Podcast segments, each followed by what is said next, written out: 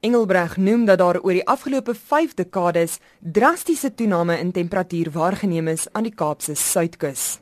Nou dit beteken dat die aantal dae met 'n hoë brandgevaar ook alreeds toegeneem het as 'n gevolg van klimaatsverandering aan die Kaapse suidkus. Nou hierdie streek word dan ook geprojekteer om onder klimaatsverandering geleidelik droër te word.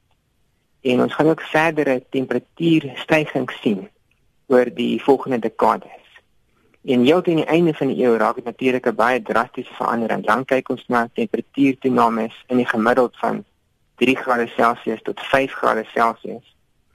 En dat die aantal dae met 'n hoë brandgevaar byvoorbeeld in Januarie toeneem van min of meer 5 dae 'n maand tot die omgewing van 15 dae 'n maand. So dis drastiese toename in die aantal dae met 'n hoë brandgevaar wat geleidelik besig is om plaas te vind al met die suidkus langs.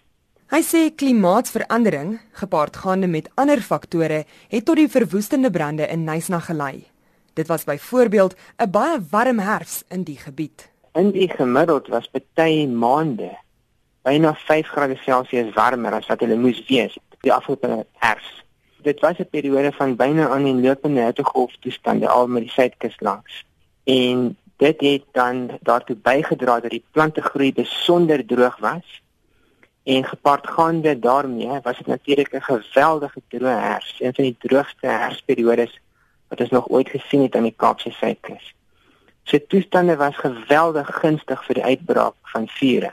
Boonop was daar 'n spesifieke weersgebeurtenis wat bygedra het tot die sterk wind wat veroorsaak het dat die veldbrande weggehol het. Baie luisteraars wat in die suidkus woon sal vertroud wees met hierdie tipe weerstelsel. Dit word genoem die bergwind toestande. En dit is baie baie sterk noordweste winde wat vanaf die binneland na die suidkus toe waai. En hierdie is 'n geweldige ge gevaarlike toestande want indien 'n vuur sou ontstaan, um, en hierdie geweldige sterk winde wanneer die plante groei so geweldig uitgedroog is, dan is daar 'n baie groot potensiaal vir 'n vuur om te om te ontaard en 'n weggolfvuur. En dit is natuurlik inderdaad wat gebeur het in geval van in in geval van die Nysna brande.